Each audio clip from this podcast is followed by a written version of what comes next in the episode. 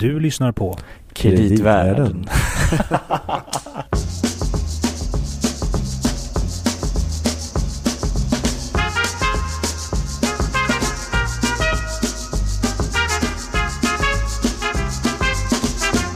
Välkommen alltså till Kreditvärlden. Det är som vanligt jag, Gabriel Bergin och Lo Landeman. På Danske Bank i Sverige. Eh, vi pratar om kreditmarknaden, eh, finansiella marknader överlag. Senaste avsnitten har varit lite annorlunda. Vi har pratat om kommunernas utmaningar och hur de finansierar sig. Mycket spännande. Lyssna gärna på dem och gå till- gå tillbaka och lyssna på dem. Och vet en sak Gabriel som är intressant. Nej. Och nästan ett bevis för tesen att ska man höra det senaste som, som händer då ska man lyssna på kreditvärlden. Mhm, Chicago pratade vi om. Just det.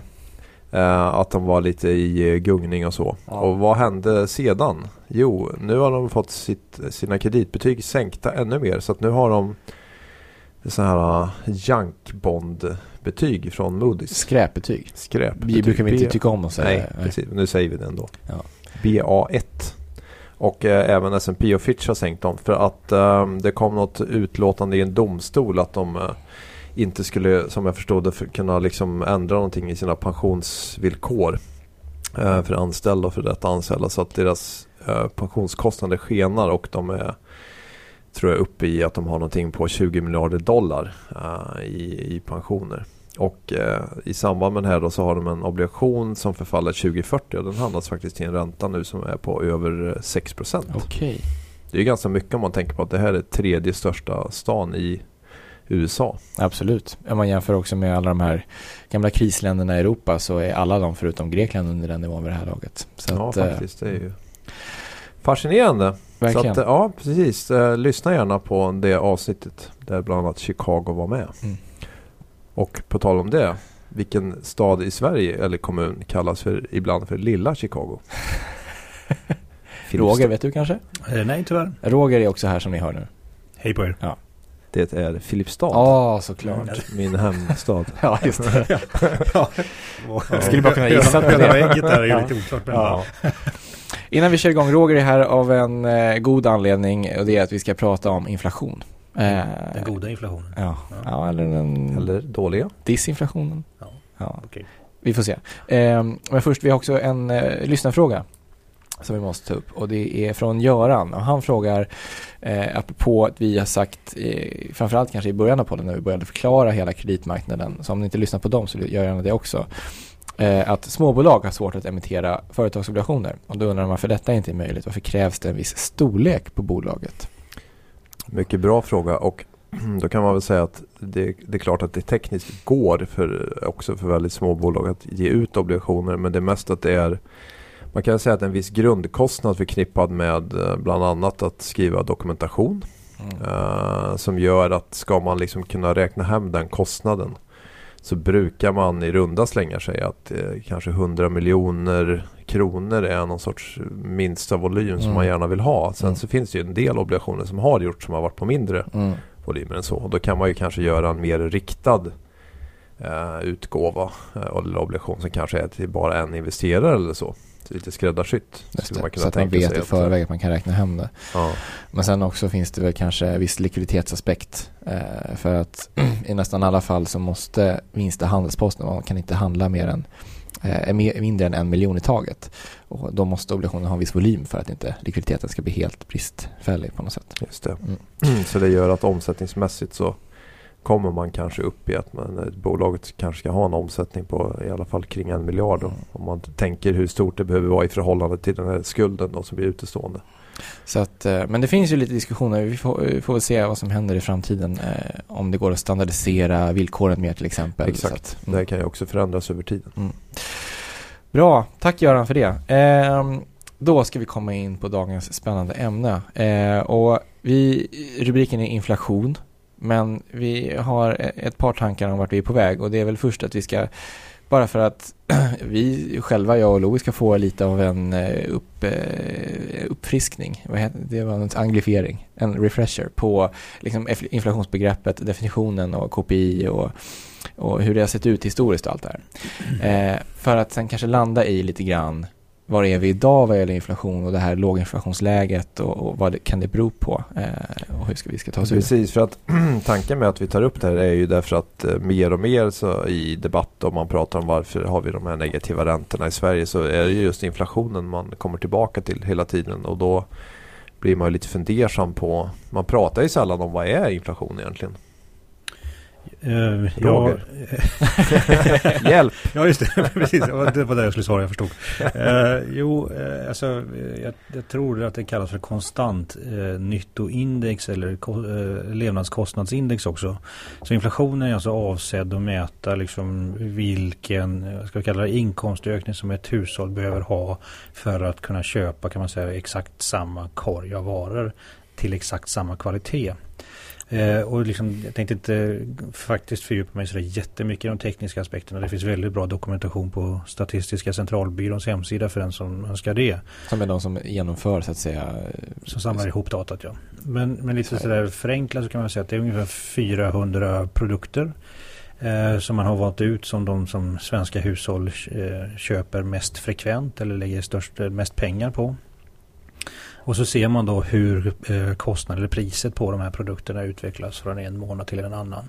Och den där korgen då av varor är inte konstant utan den förändras över tid. Eh, det vill säga och är också då viktad ut efter hur stor andel av konsumtionen som går till till exempel eh, bussbiljetter eller slanggurka eller vad det nu måste vara för någonting. Mm. Finns det med olika typer av gurka eller finns det en gurka? Förut, inte så länge sedan, så fanns Västeråsgurka med också. Men, men i, i, takt med att folk slutade lägga in egen gurka så har det där faktiskt eh, försvunnit ut ur index. Och för något år sedan så tror jag också att eh, knäckebröd försvann ur, vilket jag tycker är lite Nej, tragiskt. Va? Vad säger du om det Louis? Det som kom från Filipstad. Det här, det här visste jag inte om Roger. Nu blir jag upprörd. Ja men precis som Chicago så går, det ja, lite grann ut för mig. Ja. Men det kan ju bli ganska ja. specifikt, västeråsgurka eller vissa typer av skor och sånt där också, eller hur? Ja, ja det finns ju väldigt mycket liksom, roliga anekdoter ja. kring det här. För det är klart att som sagt, dels ska man då samla in de här prisuppgifterna från väldigt många håll och kanter. Och eh, det är företrädesvis utan att lägga någon värdering. Det är pensionärer som går runt i butikerna och så registrerar de då vad det olika varor kostar. Till exempel svarta herr herrskor i skinn. och just svarta herrskor i skinn eh, finns det väldigt mycket roligt att säga om. Men för något eh, eller ett par år sedan så, så eh, fick vi en väldigt, väldigt kraftig eh, prisuppgång på, på just svarta herrskor i skinn. Så att det påverkade den övergripande inflationsutvecklingen. Vilket fick eh, oss... Riksbanken fick agera? Nej. Eh, nej, riktigt så långt kom det inte. Men det var, det var nog inte långt ifrån. För det som hände var nämligen att eh, Riksbanken och vi och de flesta andra analytiker ringde till Statistiska centralbyrån och frågade vad sjutton är det som händer? Och så frågade vi också då varför just svarta härskor i skinn. Och ju mer vi grottade där så fick vi höra att ja, nej det är inte så mycket priset som är problemet utan det är det vi har gjort är att vi, vi tycker, upplever att kvaliteten har försämrats så kraftigt. Så då justerar man också då priset. Och i det här fallet innebär det att kvaliteten på svarta herrskor i skinn i april, jag tror det var 2011 eller 12 eller vad det var för någonting, eh, blev så otroligt mycket sämre så att det påverkar inflationsutvecklingen. Men, eh, eh, men det som hände därefter var ju att vi var ju tvungna att ta reda på om det verkligen förhöll sig så. Så vi ringde till några av våra eh, kära kunder som då höll på att handla med skor. Och de kände inte igen sig i bilden av att skorna skulle bli ett, de här svarta herrskorna i skinn skulle bli väldigt, väldigt dålig kvalitet från en månad till en annan. Och mycket riktigt efter några månader så var SCB också tvungna att krypa till korset och revidera uppgifterna igen. Mm. Men, men det är lite, ja, det är väldigt, väldigt mycket roligt. Men det här visar väl också på svårigheten i det här måttet. Att det är just inte jag ska inte säga att det är godtyckligt, det är det inte. Men det är ju ett liksom flytande mått då, i och med att du, vad ska man ta in och hur ska man se på en eh, TV och kvalitet. Om kvalitet man pratar mycket om det här med att tekniska produkter, att helt plötsligt får du mycket mer för pengarna men det definieras ändå som samma sak. Då. Ja, alltså ska jag vara riktigt här så tror jag nästan att tekniska produkter, typ tv-apparater och iPads och sådär är, är kanske förhållandevis enkelt att kvalitetsjustera. Men man kan ju fundera på hur det är. Alltså det finns en specifikationslista med. Ja, precis. Så då kan du se den här har blivit dubbelt så bra, dubbelt så snabb, ja. Eh, dubbelt så stort minne och så vidare. Ja, mm. men då är det ganska, tror jag, tror jag, relativt enkelt att kvalitetsjustera. Men det blir väldigt svårt när man ska börja liksom, till exempel värdera mm, kvaliteten på vårdtjänster och omsorgstjänster eller mm. utbildningstjänster som ju också ingår i, i indexet. Um, så nej det, är, jag, jag skulle säga, nej, det är inte något direkt godtycke alls faktiskt i data. Men däremot är det, gör man ju en massa antaganden och, mm. och andra um, ja, undersökningar som man kan fundera på hur korrekt viktade de är och så vidare. Mm. Som gör att man kan fundera på om det här är ett, ett bra sätt att mäta det på. Men å andra sidan alternativet och det har man ju testat då i, eh, och vi hade det i Sverige också. Det är ju sådana här konstanta vikter till exempel. Så att det alltid är exakt samma varor och tjänster i som ingår i korgen. Och det är inte heller riktigt lämpligt eftersom vi ändå förändrar vårt konsumtionsmönster mm. över tid. Mm. Jag menar, vi kan ju inte fortfarande mäta priset på tjock-tv till exempel när alla köper platt-tv och så vidare. Eller Västeråsgurka då? Ja, eller Västeråsgurka. Mm. Precis.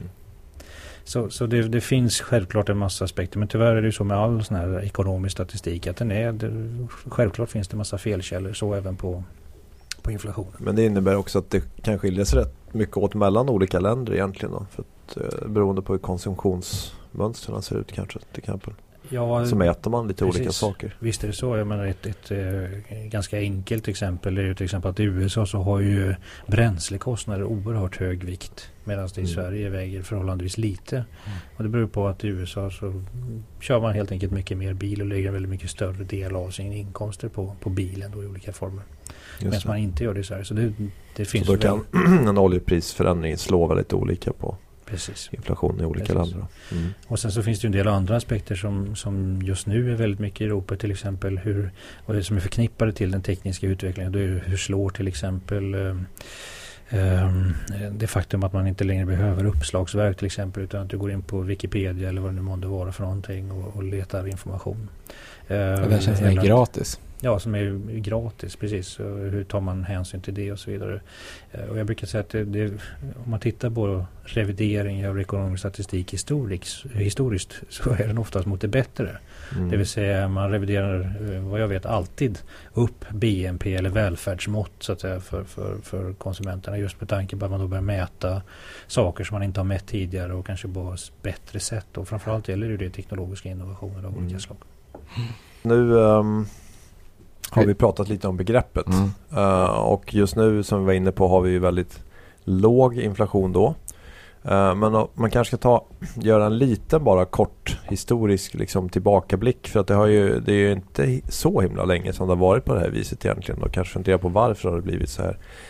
Vi tar och lyssnar på det var ett uh, klipp som vi faktiskt har haft tror jag i en tidigare avsnitt när vi pratade om, om valuta. Så lyssnade vi på när vi släppte den svenska kronan Eh, att låta den uh, handlas till rörlig kurs 1992. Eh, och det här är då med dåvarande riksbankschef Bengt Dennis vad han sa. Vilket är ditt skräckscenario för den närmaste framtiden? Att inflationsförväntningarna på nytt blir stora. Att inflationen och kostnadsutvecklingen skenar iväg. Att därmed produktivitetstillväxten faller tillbaka och därmed slår tillbaka på tillväxt sysselsättning, inkomster och välfärd. Det är ett skräckscenario som alla som har pratat för rörlig växelkurs ska ta och begrunda ikväll när de lägger sig. Just det. Det var ju, begrunda sist vi lyssnade på det här så var ju din eh, eh din och vår kollega Stefan Melin eh, med i den här podden eh, och då sa han, tji fick han i princip. det blev inte riktigt så. Nej men det är ju fascinerande för att då tycker man ju nu, ha vad då oro för hög inflation? Men då om man tittar tillbaka här så hittade jag lite fin statistik här ehm, från SCB det väl, eh, på KPI då från 1830 fram till, eh, vi kan ju ha frågesport här gissa olika men...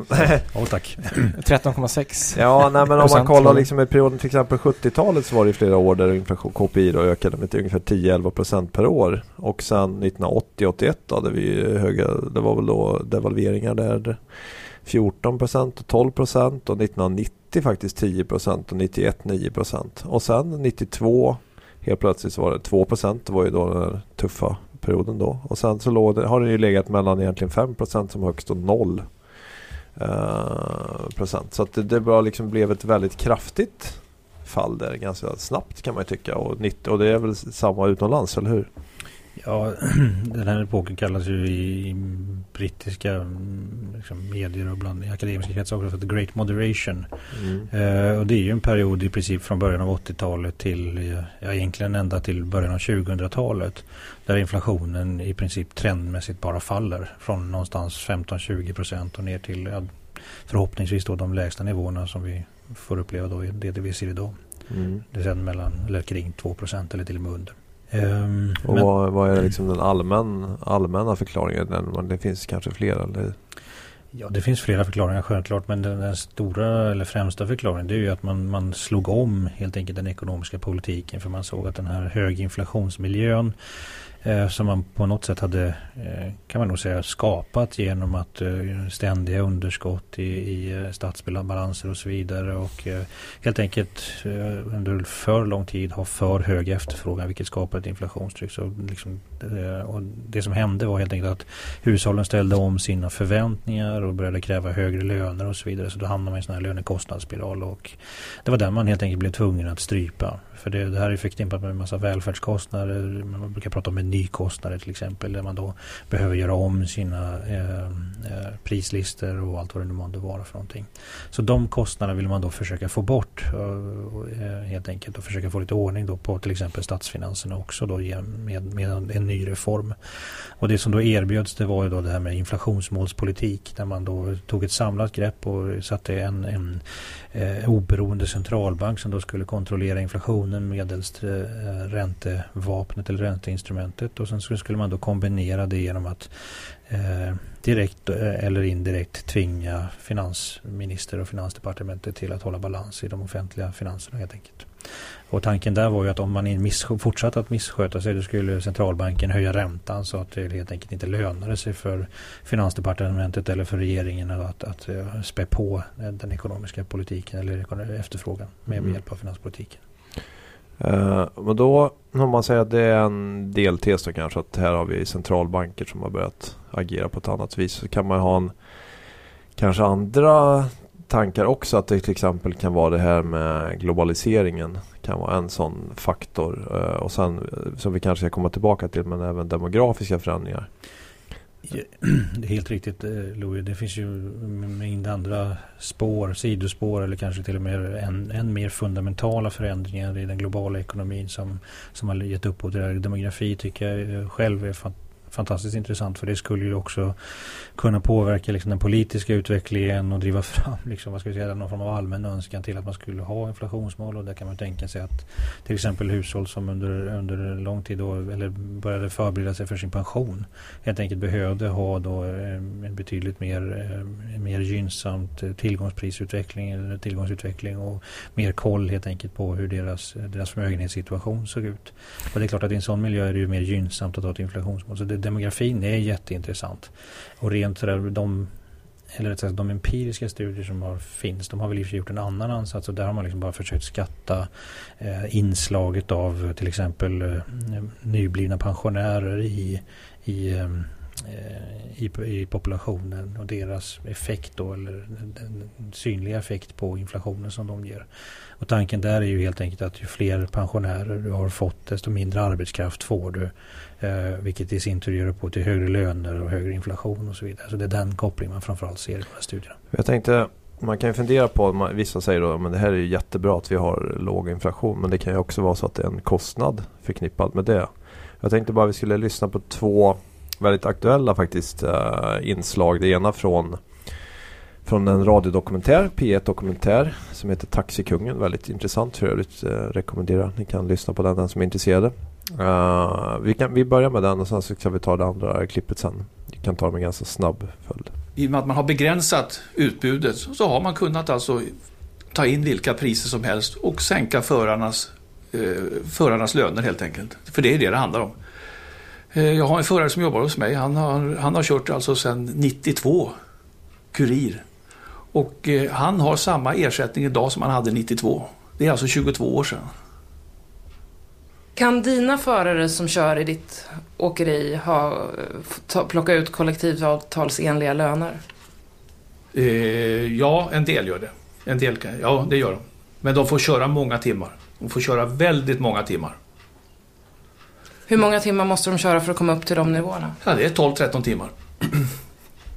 Och det var då en, en taxiåkare som blev intervjuad. Så apropå lite grann hur villkoren är i taxibranschen. Så jag vill ta ett annat exempel också. Bara, det var ju en, ett på Uppdrag granskning här om, om Arla och det är om, om svenska mjölkbönder och lite utvecklingen där. Den världsmarknad som Arla numera agerar på är osäker och svajig.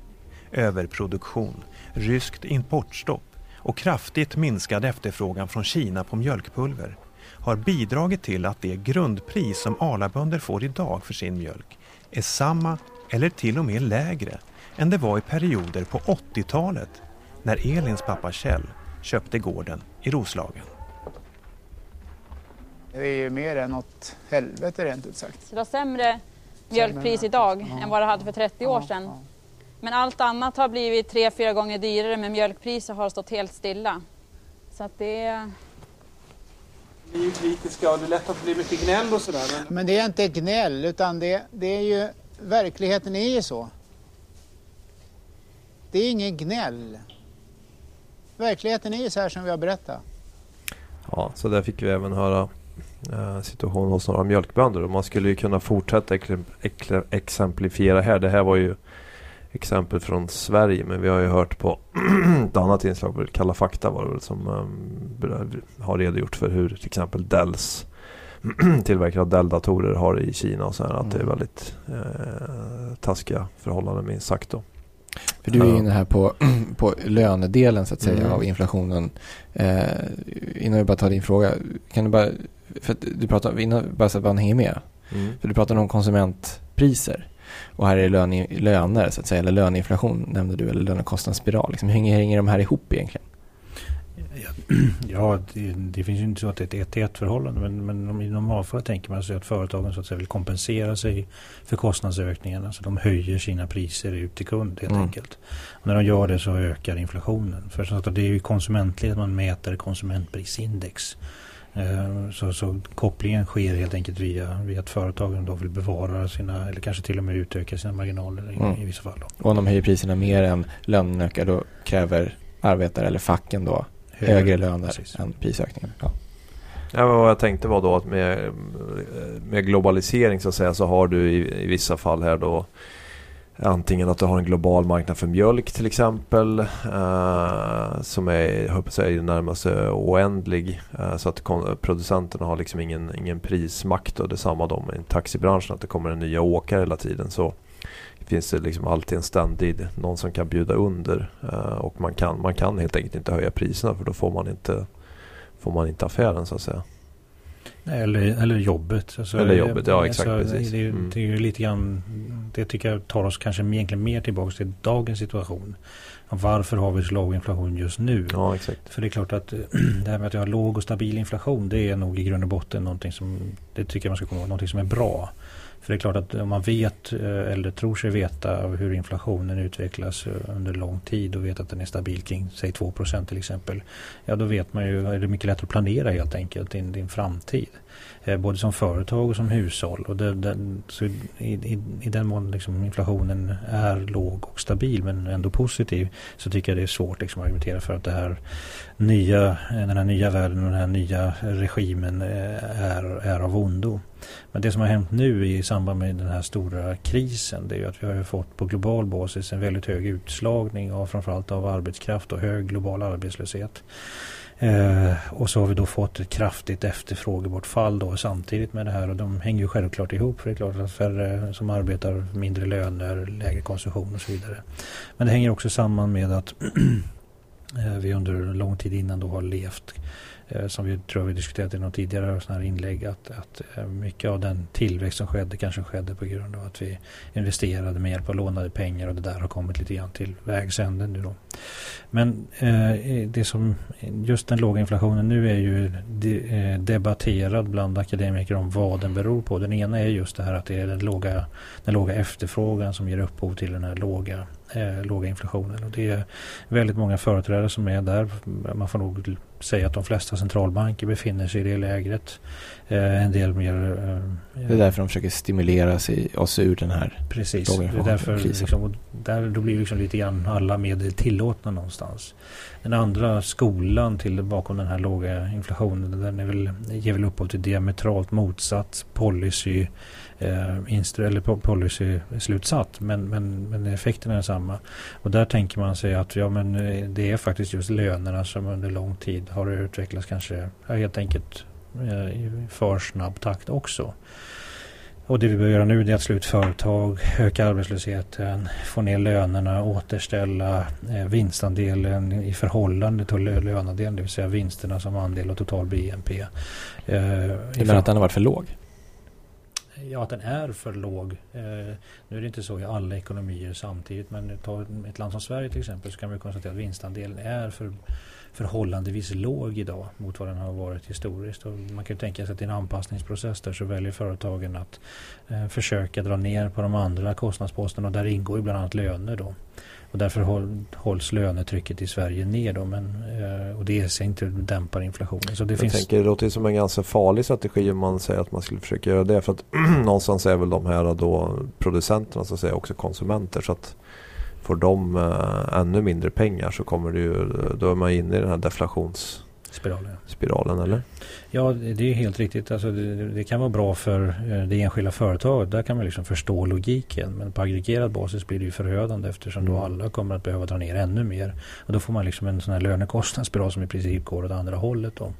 Och då är frågan hur man ska bryta den. Men, men ähm, återigen, det, där finns det ju äh, två olika så att säga, vägar ur det. De, när man pratar om vad Riksbanken eller centralbankerna ska göra då ger de som sagt två diametralt motsatta eh, besked eller eh, vägar att gå. Sen eh, effekten är oavsett vilken av dem vänder, det är ju den vi ser tydligt idag, nämligen att vi har väldigt låg inflation. Men sen då kommer man kanske in på den här debatten också just det här med är det vettigt för en centralbank att bara ha ett inflationsmål? Eller man pratar ju om USA har man väl eh, du har två mål, eller hur? Mm. Så inflation och arbetslöshet, att man skulle ha Ja, sysselsättning ja. Ja, sysselsättning, mm. precis. Ja, Skulle man kunna tänka sig att det skulle vara lämpligt att ha något liknande här eller? Alltså, det kan man, självklart ska man överväga det och fundera på om det finns bättre sätt att, att, eh, att, eh, att, rigga penningpolitiken. Men, men eh, om man går tillbaks till eh, de diskussioner vi hade när vi började med det här så tycker jag nog fortfarande att de argumenten är giltiga. Nämligen att ja, men inflationen ska vi ändå liksom, någonstans ska ju även hög sysselsättning inbegripas i det här. För det är klart att blir inflationen eller om sysselsättningen är väldigt stark eller för stark om man nu ska kalla det. Då blir ju löneinflationen högre och då får vi högre inflation också. Och då ska Riksbanken agera. Så det, jag, jag, tycker den är, jag tycker att just den typen av mål eller kombinationer tycker jag är rätt svåra fortfarande att argumentera för. Det tycker jag liksom att inflationen räcker så att säga. Eh, men, men sen så kan man väl fundera som en del andra gör om man ska införa sådant som kallas makrotillsyn. Nämligen till exempel eh, utveckling av tillgångspriser och sånt där. Och även där som sagt så är det ju en pågående debatt och man har inte fått någon sån här solklar konklusion. Men min egen... Vad du menar är att Riksbanken har inte så att säga rätt att ta hänsyn till att uh, bostadspriserna stiger väldigt mycket eller så? Eller? Nej, inte på bekostnad i alla fall av inflationsmålet. Ja, det tycker jag liksom det är en viktig, viktig distinktion och det är väl också det som man kan säga har hänt nu de senaste åren i Sverige. Att Riksbanken så att säga, började väga in den här snabba ökningen på, på bostadspriser här för några år eller som vi har haft under lång tid. Mm. Eh, och höll väl då på marginalen i alla fall en högre ränta än man skulle gjort annars. Eh, och nu har vi då hamnat i ett läge där vi eh, dels då har haft kanske lite för hög ränta och så har då inflationen blivit allt lägre. Och eh, nu börjar man också diskutera inför nästa års avtalsrörelse att faktiskt frångå inflationsmålet och som nominellt ankare. Och då börjar det bli riktigt farligt för då är vi tillbaka till det att då kanske vi inte kan rita på att inflationen är 2% under de kommande åren eller långsiktigt. Och då blir det igen mer volatilt eller rättare sagt folk börjar skriva ner eller skruva ner sina inflationsförväntningar och då är det lätt att vi ändå hamnar i den här mm.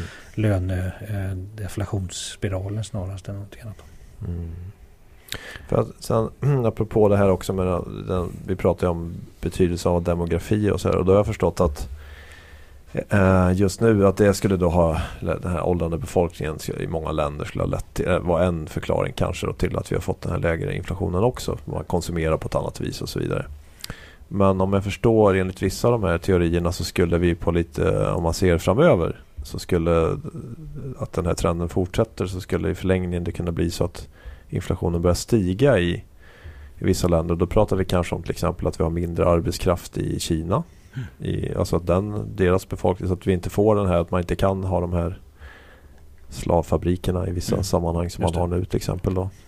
Och ja. även i vissa andra länder då att man att man nämnde Spanien, Italien och Grekland att det är Ja, det är ju framförallt länder som vi säger har dålig demografi. Grekland, Italien tog du upp bland annat. Och det är ju typexempel på länder som då har en väldigt stor andel av befolkningen som under en väldigt kort tidsperiod går just i pension. Mm. Och eftersom de har pension så kommer de fortsätta antagligen att konsumera på ungefär samma sätt som de har gjort tidigare. Men samtidigt så bidrar de inte till utbudet för de producerar inte helt enkelt något längre utan de är i princip lediga. Och det är klart att i ett sånt läge så sjunker alltså eller faller arbetskraften som andel av befolkningen eh, samtidigt som konsumtionen är oförändrad. Det är klart att det, då blir ju balansen mellan utbud och efterfrågan rubbas liksom till förmån för, för konsumtionen och vilket gör att vi får en högre inflation helt mm. enkelt via högre löner. Och det är vad empirin säger men samtidigt har du ju i i Grekland och Spanien till exempel nu väldigt, väldigt stor arbetslöshet. Ja det är ju jätteintressant för det, liksom, även man kan förstå liksom, den här, de, här, den här, de här empiriska resultaten från de här studierna och liksom, mm, även, även liksom i ett teoretiskt ramverk så kan man konstatera att de, de faktiska erfarenheterna vi har av det här som Japan till exempel och det vi ser i södra Europa nu pekar ju i en helt annan riktning. Um, nu kan man ju fundera på vad det i sig beror på. Jag hörde vi prata om det här demografi är väldigt intressant för det kan förklara så mycket mer, än mer underliggande faktorer kanske.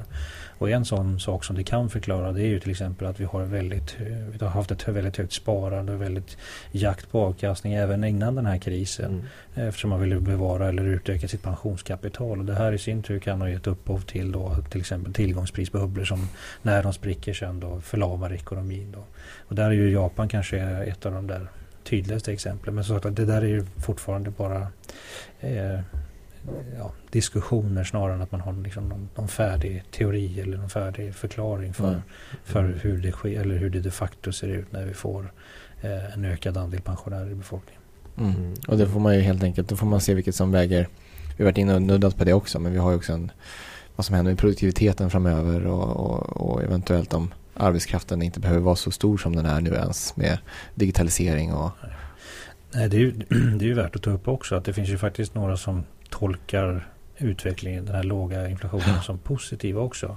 Eh, vi, jag väl inte själv någon stor anhängare av det men, men, eh, men, jag tror ändå det är viktigt att lyfta upp det att många tror och tycker att den här låga inflationen är ett resultat just av hög teknologisk utveckling, ökad pristransparens och det är bara att titta på hur man beter sig själv när man ska köpa en resa till exempel. Det är klart det, idag är det mycket lättare att gå in på nätet och kolla än att gå in på en på en resebyrå. Mm. Eh, och du får, eh, det är klart att då, där är ju priskonkurrensen på nätet betydligt högre antagligen än vad den är på den här resebyrån som du, som du går in i på lunchrasten. Så, det är helt enkelt flygresor.se som har tagit vinstandelarna? ja, företaget. ja, men lite förenklat ja. Sen kan man ju då lägga en eh, etisk aspekt på det hela också och säga att som någon sa att billigt betyder bara att kostnaden är dold. Så att vi har kanske ett ansvar som konsument också fundera på de varor vi köper som är så himla billiga eller tjänster. Vem, eh, som, den som producerar den här tjänsten eller varan, vad har han för villkor? då? försöka ta det i beaktande i vår konsumtion egentligen. Ja. Ja, det, det, är helt klart så att vi skulle nog behöva eh, ha en högre transparens när det gäller kostnader som vi liksom har svårt att få grepp om. Uh, nu känner jag ju dig Louise, jag vet att du bland annat avser miljöfrågorna och det är, ja, det, och det är självklart en viktig aspekt som vi kanske borde väga in uh, tydligare och, och, och har mer alltså en klar bild kring, eller försöka skapa mer klar bild kring vad kostar liksom det här i termer av koldioxidutsläpp eller vad det nu mm. månde vara för någonting. Eh, och därför, där kan, kan det ju komma att ske förändringar helt enkelt. Eh, men, men, eh, eh, men det ligger väl fortfarande i framtiden. Så det sken igenom alltså? Med. ja, det är bara enkom positivt. Vi ska alla, vi ska alla värna miljön. Ja, vi pratat också om det förut i höstas lite grann och kanske återkommer även till mm. miljötemat senare. Det finns ju en annan, nu, tar inte, nu ska jag inte ta ut mer av er tid och lyssnarnas tid men det är klart att det finns en annan aspekt på det här med dagens inflationsutveckling också. Och det hänger ju mer samman med liksom hur fördelas liksom, eh, eh resurserna i samhället i den här internet-erans ja. tid. Uh, och apropå den här etiska frågeställningen som man kan ha. För det är klart att det vi ser är med ökad global konkurrens och teknologiska landvinningar så det är klart att det är lätt att, att hamna i slutsatsen att de som kommer i kläm. I mångt och mycket det är låg och medelinkomsttagare medan vi får en, en eh, en elit och jag säger inte det i någon negativ bemärkelse faktiskt men till exempel väldigt produktiva intelligenta människor som skapar till exempel eh, Spotify eller vad det nu månde vara för någonting. Och liksom Uber lägger, apropå taxibranschen. Ja, precis. Och Mm. lägger väldigt, väldigt eh, beslag på eh, ofantligt stora belopp. Och det problemet ur ett, ur ett eh, globalt perspektiv är att det är väldigt, blir väldigt koncentrerad Mm. inkomst. Eh, eller inkomsten koncentreras till en väldigt liten del av befolkningen. Och eftersom vi vet att folk som är rika och har höga inkomster och har låg eh, konsumtionsbenägenhet så driver de inte upp inflationen heller utan de sparar pengar vilket driver ner räntorna snarast ännu mer och egentligen förvärrar de här problemen som vi ser. Apropå eh, Piketty-debatten och så. Precis. Mm, på det här temat. Ja men det här var ju kanske ett, eh, förhoppningsvis en bra illustration på att det här med inflation är ganska, ett ganska viktigt och centralt begrepp att fundera Mm. kring.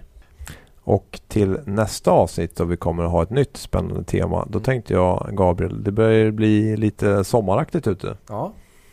Vi kanske skulle lyssna på den här fina melodin Summertime. In the summertime. Ja, det finns en annan En annan? version Okej. med eh, en person som heter Klaus Wunderlich. Ah. Som Wunderbar. jag gillar lite. Ja, faktiskt. Danke Roger. Eh, Bitte ser. Så hörs vi igen. Tack. Tills dess finns vi på Twitter och brevatkreditvännen.se och kreditvärden.se. Vi hörs. Tack. Hej.